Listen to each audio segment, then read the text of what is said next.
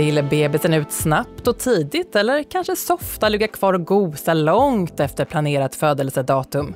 I det här avsnittet av Gravidpodden från Babygruppen pratar vi om vad det innebär att föda före respektive efter de 40 graviditetsveckorna.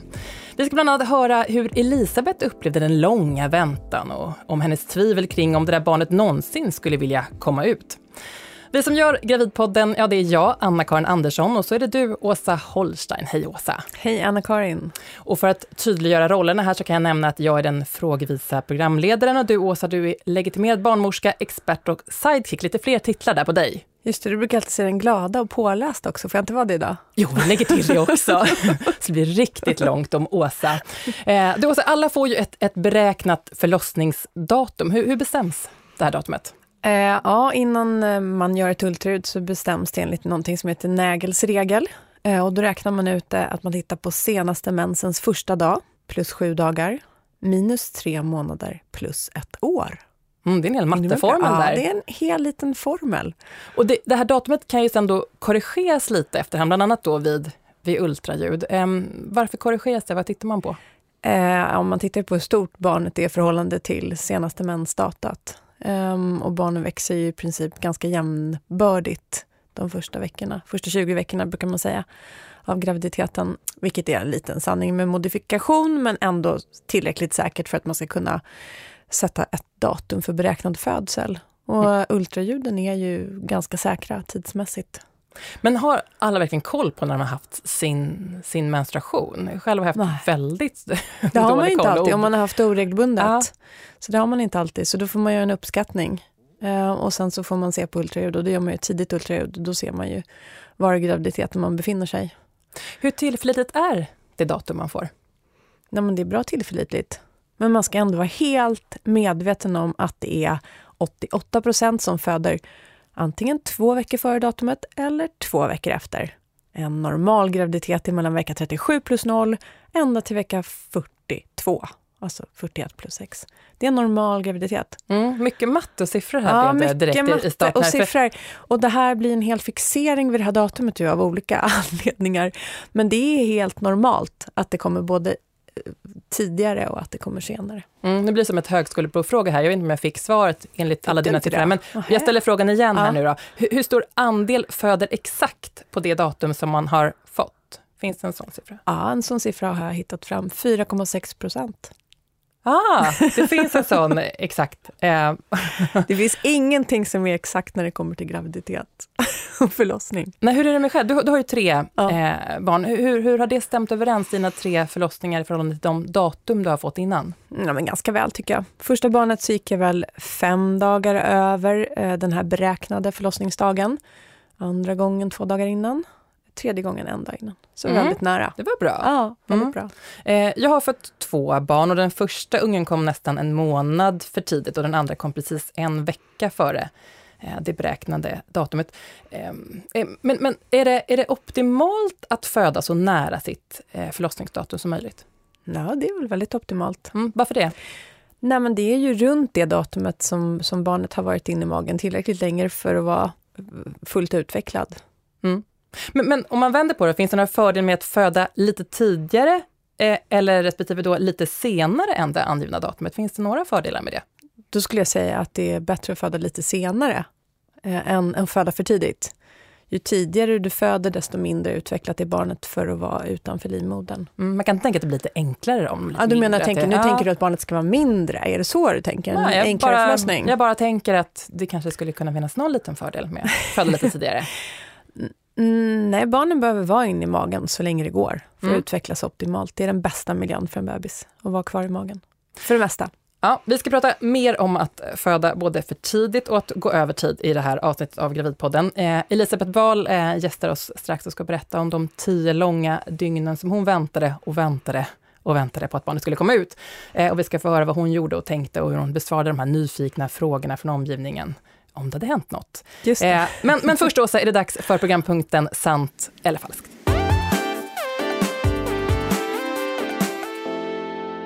Mm, för jag radar i varje avsnitt upp lite olika påståenden om det ämne som vi pratar om. Och eh, du, Åsa, berättar helt enkelt om det stämmer eller inte. Är du beredd? Jag är beredd. Mm, bra.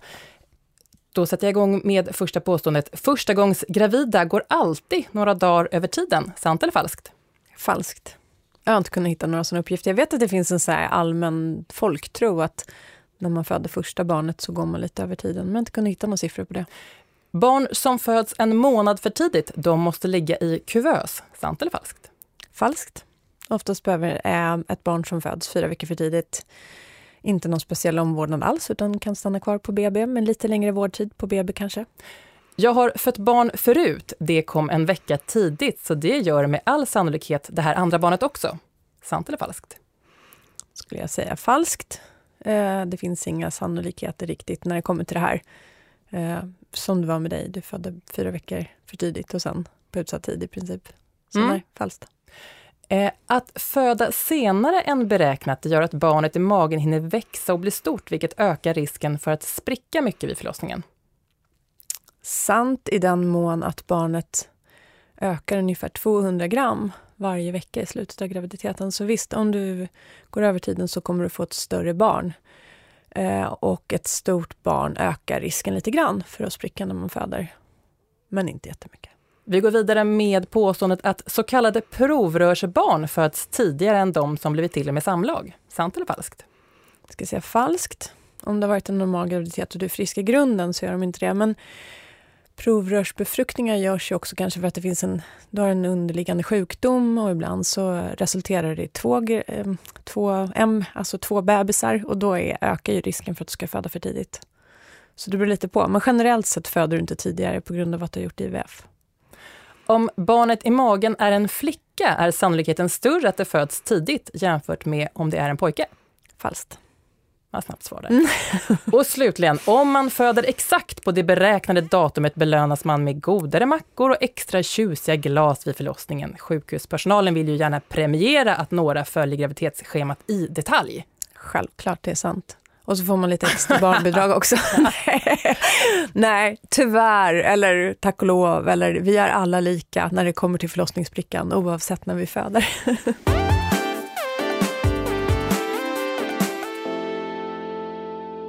Mm, det kanske blir lite omvänt det här, men jag tänkte faktiskt att, att vi först skulle prata om att gå över tid för att sedan gå in på vad det kan innebära att, att föda för tidigt. Eh, Åsa, babygruppen har ju eh, appen Gravidkalender där man räknar upp vecka för vecka hur långt man har gått under sin graviditet. Eh, vad händer om man, om man så att säga kliver över strecket här efter vecka 40, när man har nått 100 procent då egentligen? Ja, då blir man ju 101, 102, 103 procent gravid. Eh, jag gillar ju den här appen, jag tycker den har väldigt mycket bra i sig. Det som kan vara lite negativt med sådana här appar är ju att det blir ändå mera fixerat vid det här beräknade förlossningsdatumet. Eh, trots att det är som jag sa precis innan, att det är helt normalt att de kommer två veckor innan och två veckor efter, faktiskt tre veckor innan det här datumet också. Så att, eh, ja, det blir ett väldigt fokus på datumet. Hela appen bygger ju på att man ska jobba sig fram till det här beräknade förlossningsdatumet. Mm, så får man procentsiffror hela tiden. Så har man kommit till vecka 20 så man nått ja. halvvägs och så tänker man att nu är jag i mål. Och hur jäkla kul är det på en skala av 103,5 procent gravid? så blev det lite grann för dig Elisabeth Wahl. Välkommen hit till Gravidpodden. Ja, tack så mycket. Ja, så blev det med mitt andra barn. Ja, för det blev en, en lång väntan eh, på förlossningen. Eh, då, eh, det var beräknat att komma på en nyårsafton. Eh, när trodde du själv att det skulle komma? Ja, jag trodde ju att eh, kanske runt julafton, för mitt eh, första barn då hade fötts åtta dagar för tidigt. Och då trodde jag att det var sådär att har man en gång fött för tidigt, då är man så. Och så var det flera som sa till mig, jaha, första barnet åtta dagar för tidigt, ja då kan det nog bli två, tre veckor innan.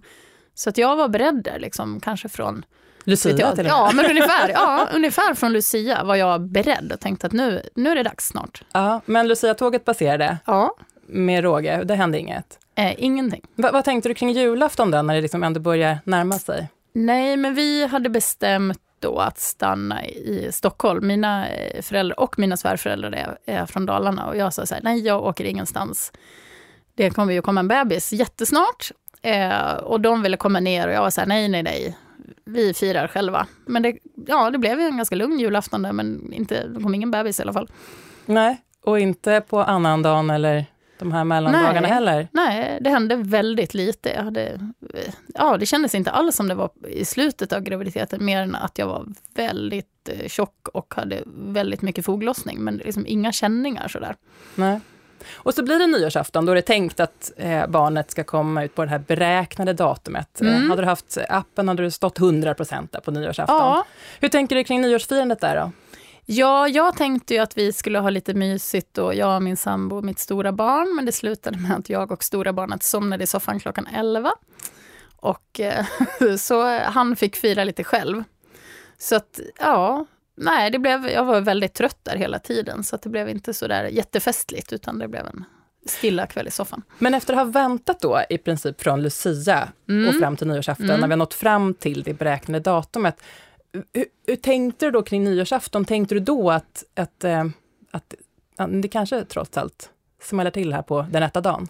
Ja, alltså det är just så där, det är ju, just när man är beräknad på nyårsafton så är det ju många som säger oj, hoppas du kan knipa. Det var ju jättemånga som sa.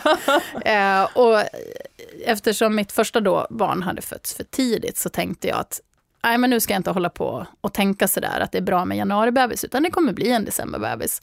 Men sen då när det blev nyårsafton, då tänkte jag, men nu kan jag ju försöka hålla igen till nyårsdagen i Ja. alla fall. Ja, det finns Så ju många praktiska problem. Svårt att få tag i taxi. Ja, En födelsedag som, i och för sig får man mycket förverkerier och så runt sig, men det kanske inte, man är alltid yngst i klassen och... Ja.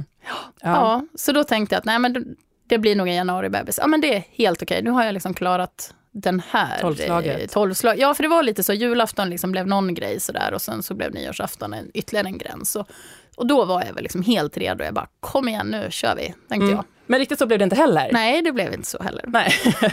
för det hinner gå några dagar in på januari. Ja, Ja, hur blir den här väntan efter nyårsafton? den blir ganska jobbig för då börjar eh, liksom så här förverkar dra igång och jag får ont och jag kommer ihåg att jag gick, ja vad kan det ha varit, 100 meter från lägenheten så skulle jag fika med en kompis. Och så kunde jag nästan inte ta mig hem för jag hade så ont liksom. Så jag blev helt eh, säng, alltså bara instängd i lägenheten med den här magen. Som jag var ganska trött på då. Vad gjorde du då? Ja, jag kollade på, jag kollade på tv och löste sudoku. Ja, såna här stilla saker. Du fnissar lite. Och... jag fnissar. Jag vet med mitt första barn, de där fem dagarna kändes ju som, jag vet inte, det, det är som att tiden blir, eh, den blir så oändlig. Ja. Jag hade inte lika ont då, men jag städade kylskåpet med tops. ja Bara för att är på något att göra. Men, Ja, men jag ja, hade ju gjort allting, jag var helt färdigboad. ja. Ja. Ja. Ja, och sen var det ju där att liksom, mamma och svärmor och alla bara ringde ju bara, har det hänt något? Jag bara, nej det har inte hänt något. Det är också så roligt som de tror att när de ringer sådär, att de ska dra igång det. ja, Hej, har det hänt något? Hur mår du? ja. Och, men det var ju också så att första barnet det gick väldigt snabbt när det väl hände, så de trodde väl då liksom att om vi ringer precis nu, då kanske de är på vägen i taxin. Eller jag vet inte, det blev liksom sådär så att de ringde och kollade och de ville träffas. Så jag vill inte träffa någon, jag vill liksom... Jag var bara sur. Mm. Fanns det någon, någon brytpunkt där du, där du gav upp helt enkelt och tänkte att På lördagen så hade vi faktiskt en kompis hemma, en ganska ny kompis. Och jag var, jag var, jag var lite otrevligare än, än normalt den där januari. Och så hon blev lite förskräckt och så sa hon så här, men jag kanske ska gå hem. Och då säger min sambo helt rått så här, nej stanna, hon är mycket trevligare när vi har främmande. och då hade, hade, hade den här kompisen tittat på mig och jag hade väl bara, ja det är så. Så helt konstaterat att så var det. ja, Så jag, ja, jag var inte så jättetrevlig. Jag vet också att jag ropade på min sambo någon gång. Det, det kommer aldrig bli någon bebis. Jag kommer vara gravid för evigt. Och då så sa han, nej, men det är klart det kommer bli en bebis. Och jag så här började gråta, bara lätt för dig att säga. så här, oerhört mogen, kan jag tänka nu i efterhand. ja. Men, men hann det också dyka upp några tankar om oro eh, för att det, det dröjde så, så lång tid? Ja, men lite sådär eh, funderade jag, för jag hade haft lite sådär någon misstänkt eh, liten propp i benet under graviditeten. Det var inte det, men de trodde det. Och sen funderade jag väl, oj, men hur stor blir den här bebisen? Och, ja, vad ska hända? Och gud, blir det snitt? Eller oj, sådär. jag var så totalt oförberedd på det här, för jag hade ju verkligen gått på den där myten att om man en gång då föder för tidigt, då gör man det. Så att, ja, jag var ganska oförberedd. Ja, vad händer nu? Så, där. så det var... Och som sagt, det blir en lång förberedelsetid. Ja. Vad händer när det väl sen då eh, sätter igång? Ja, det var ju lite konstigt. Jag kan inte riktigt peka på då satte det igång, för jag hade ju haft lite förverkar och jag vet att jag hade väck, väckt min sambo då någon natt innan och sa nu är det nog på gång. Och sen försvann det. Så att när det här började så var jag lite så här, jaha, är det där de värsta verkarna du kan komma med ungefär? lite sådär att jag inte riktigt ville tro på det. Efter och, tio luttrade dagar. Ja, men precis. Jag låter väldigt otrevlig, men jag var, jag var nog lite, jag hade ont och var trött och sådär. Men då, så helt plötsligt så, ja, så gjorde det otroligt, alltså verkarna blev väldigt, väldigt kraftiga. Och då tänkte jag att, ja just det, så där var det med mitt förra barn. Äh, men vi åker nog in nu fast det inte är jättetätt. Och då gick det ju väldigt snabbt sen när det väl satte igång. Tror du din inställning till eh, den förlossningen ändrades på något sätt beroende på att din väntan blev så lång? Ja, jag, jag vet inte. Det som jag tror kan ha hänt var väl att jag var ju väldigt trött eftersom jag hade haft lite småverkar då och då. Och var ju så tung i kroppen och sådär. Eh, jag gick upp 27 kilo så det var liksom ganska, ganska jobbigt. Men jag tror, men den mentala inställningen, nej, jag var nog bara väldigt glad att den satte igång och så var det såklart lite otäckt sådär, alltså lite som man är. Ja, men lättnad också tror jag kände när vi åkte in att yes. Tror du också att det kan, att det kan skilja eh, på inställningen när man kommer in till förlossningen beroende på vad man har haft eh, för tankar om hur det ska gå till innan? Mm, ja, men absolut, rent generellt så tror jag det. Men jag tror också att om man går över tiden, när det väl sätter igång, så är man eh, Kanske är man lite tröttare då, som du säger, för man har haft det jobbigt. Men man är ganska taggad. Liksom. Man, är ganska, mm. man är ganska rejält färdig med att vara gravid. Mm. Särskilt om man har gått då 105 av sin graviditet eller ändå mer. Man, är liksom, man kan ju det här nu, det är ju dags för nästa steg. Mm. Och det uh, märks också på förlossningen att man kanske är då mer förberedd eller faktiskt mer eh, Kanske att man omfamnar det lite ut. mer. Ja, ja, kanske lite. Ja. Men det, det som jag tycker är roligt, som du säger, att du var så arg, att du låter så arg. Det har alla mina vänner som gått över tiden eh, också påtalat att de blir så jävla arga när de går över tiden. Ja. ju fler dagar de går över tiden, desto argare blir de. Ja. Och just att man vill ju definitivt inte hålla på att vara social. Eh, utan man vill, man vill ju man vill förlita sig ja, på det här datumet som ni ger oss, föda barn. ja. Jo men så var det ju. Men vi är också väldigt, väldigt mycket med det som jag sitter och håller på och mantrar här nu. Att en normal graviditet är vecka 37 plus 0 till vecka 42. Att att det är ett stort spann. Mm. Eh, att man inte ska vara så fixerad vid datumet. Men sen vet ju jag det, det är lätt för mig att säga som professionell. Men när jag har varit gravid så har jag också varit väldigt fixerad vid datumet. Man behöver liksom någonting att hänga upp det på. Man behöver en, en, en målstolpe mm. här. Elisabeth, vad skulle du vilja dela med dig av för tips eh, till andra som, som lyssnar som kanske nu har nått upp till den här 100 eh, procents eh, tiden och eh, bara väntar och väntar. Och håller på att bli arga. Ja, ja. det är okej att vara arg. Och, ja.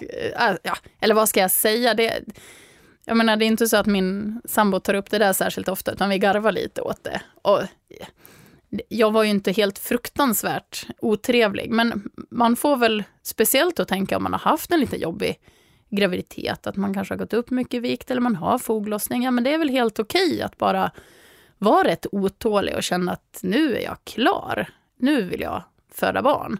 Och sen, eh, jag var ju ganska tydlig eh, när min mamma hade ringt, tror jag två gånger om dagen, fem dagar i rad, att nu räcker det. Jag orkar inte svara på mer frågor. Att nej, det har inte kommit igång. Vi ringer. Vi ringer, precis. Att man kanske sätter upp lite, vad ska man säga, gränser kring sig själv. Att att jag kommer ha mobilen av eller ring min sambo, jag vill inte prata. Det är helt okej okay, tycker jag, för man är ändå ens kropp har genomgått rätt stora förändringar och det är helt okej att vara lite ego där på slutet, tycker jag. Mm. Eh, någon typ av bokgenre eller filmgenre som passar sig bättre när man är lite ilsken och bara väntar och väntar? Nej, jag läste några såna här gamla Vita serien tror jag. Eller något så här, eh, du vet. Och Harlequin-böcker ungefär. Det var det jag orkade med.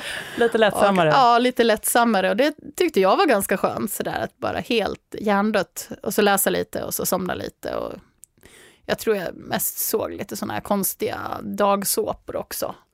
Ungefär, jag orkade inte med särskilt mycket. Nej. Så, så välj B-filmerna alla Elisabeth Wahl-stilen eller eh, Städa kylen med tops alla Åsa, alla Åsa Skratta Holstein. helst. Nej, inte tops, det var ju överdrivet va? Gör Ja. inte det. Kolla Nej. på en rolig film istället. Jag tror att eh, sannolikheten att det drar igång om man skrattar ordentligt, den är ganska hög. Ja, Skratta det tror jag också. och ligg. Elisabeth Wahl, tack för att du kom hit. Ja, tack så mycket.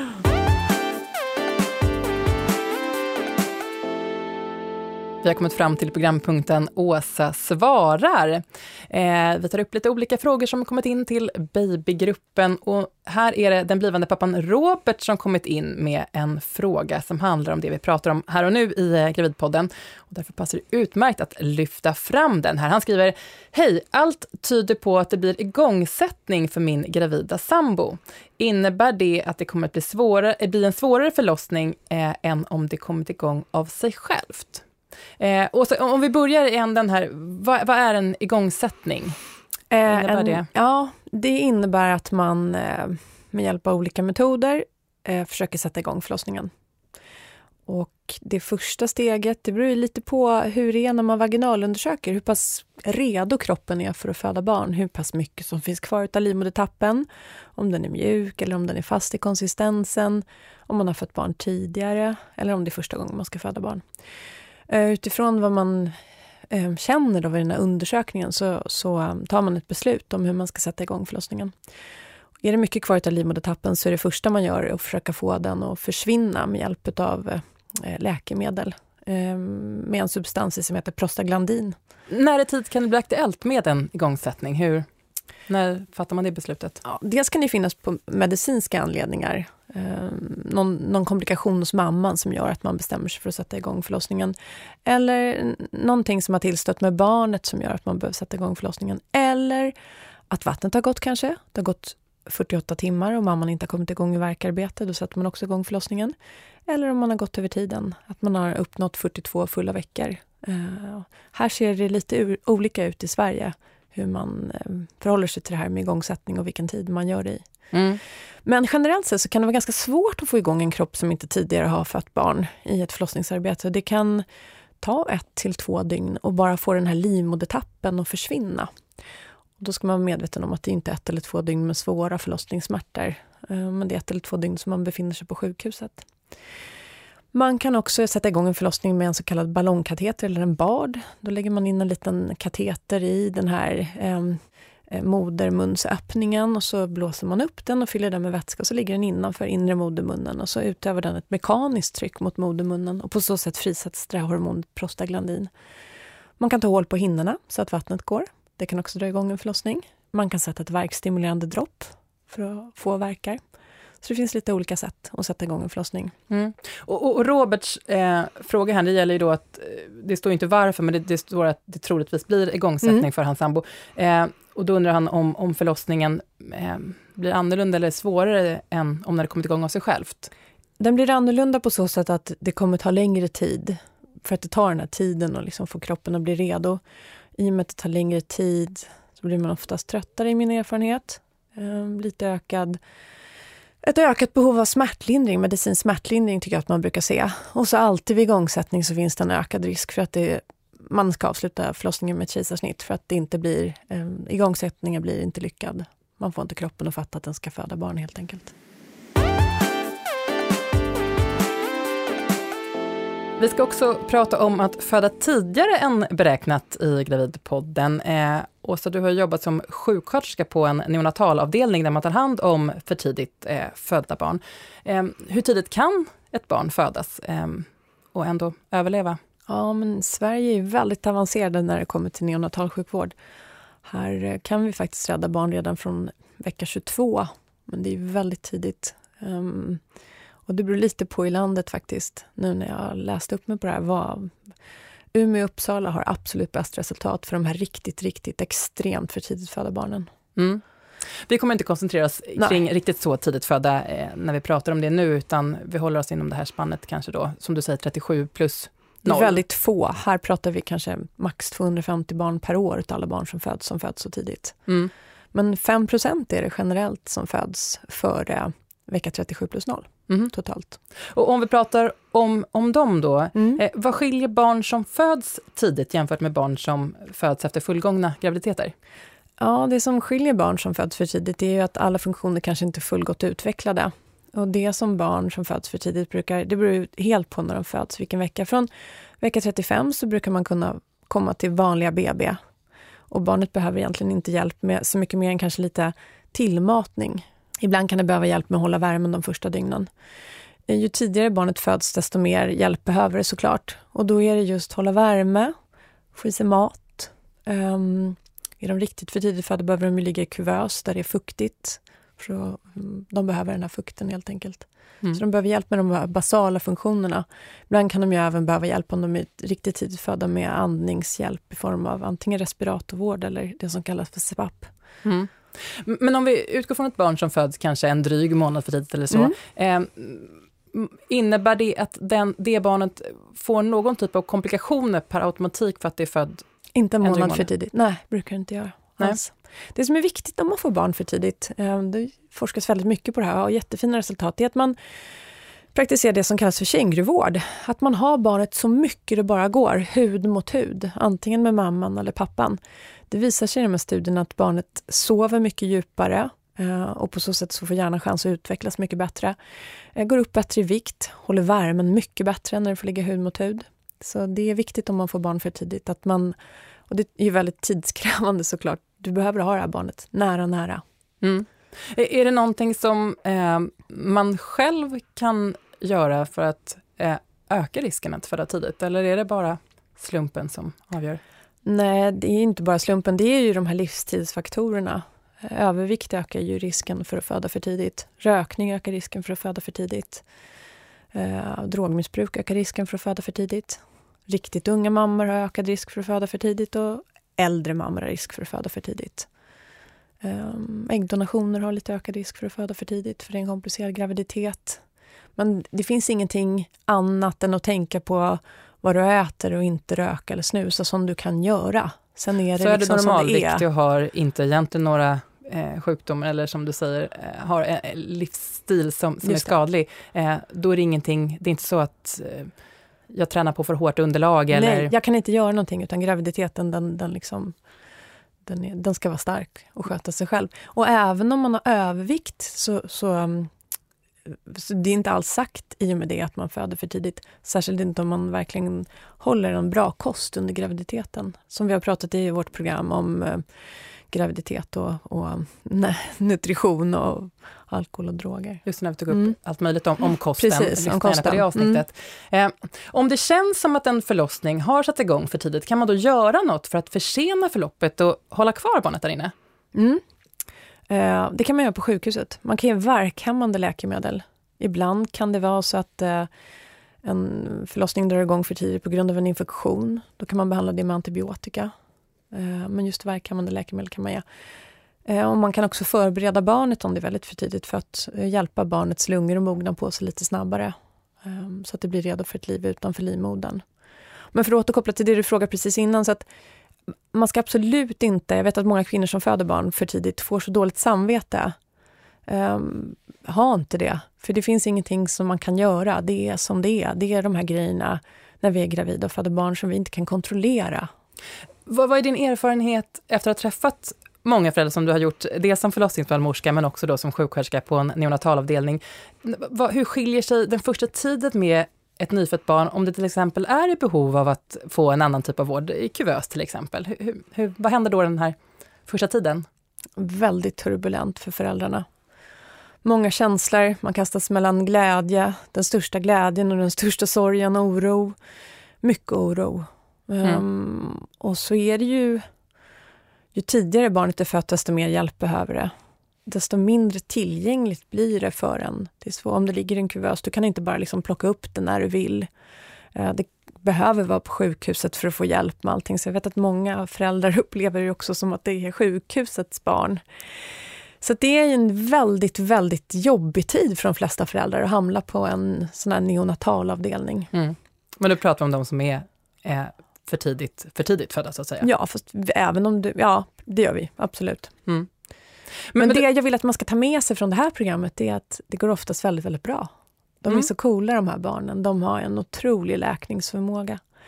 Så den där lilla, lilla livet i kuvös som kan bli en kaxig fyraåring som lägger sig på golvet och Jättefin skriker det med. statistik ger i Sverige på att eh, barnen växer upp utan att ha särskilt stora skador. Ja.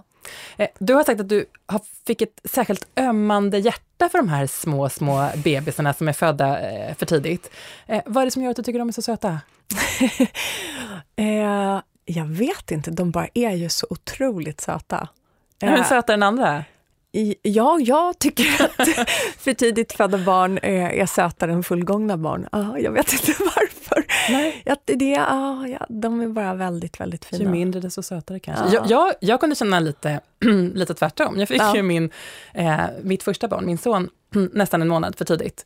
Och då kom han ut med små, små röda spinkiga ben och skinnet flaxade kring ja, där Det är som ben. att de har en för stor kostym på sig. Ja, ja så det var inte alls som en liten farbror. lilla bebisen på blöjpaketet som jag hade köpt. Jag såg ju framför mig att det skulle se ut som, som det gjorde på bilderna. Ja. Men det gjorde han inte riktigt. Och ingen haka heller. Han var liksom inte riktigt inte riktigt klar i, i fejan. Nej, nej, nej. Så är det ju. Och jag vet inte om det är för att jag har jobbat med dem och varit med och följt dem tills de blir de där runda bebisarna. Eh, jag tycker att de är väldigt häftiga. Jag tycker att det är häftigt också hur man ser väldigt tidigt vad de har för personlighet. Om de är lugna eller om de är lite koleriska eller hur de är. Ja. Han åt upp sig snabbt i alla fall. Kan Gjorde han det? Ja, och fick en haka. Och, och blev som en sån här semperbebis? Ja, och nu är det inga små hönsben längre, det ska gudarna veta. Du, Gravidpodden från Babygruppen är, är slut för den här gången.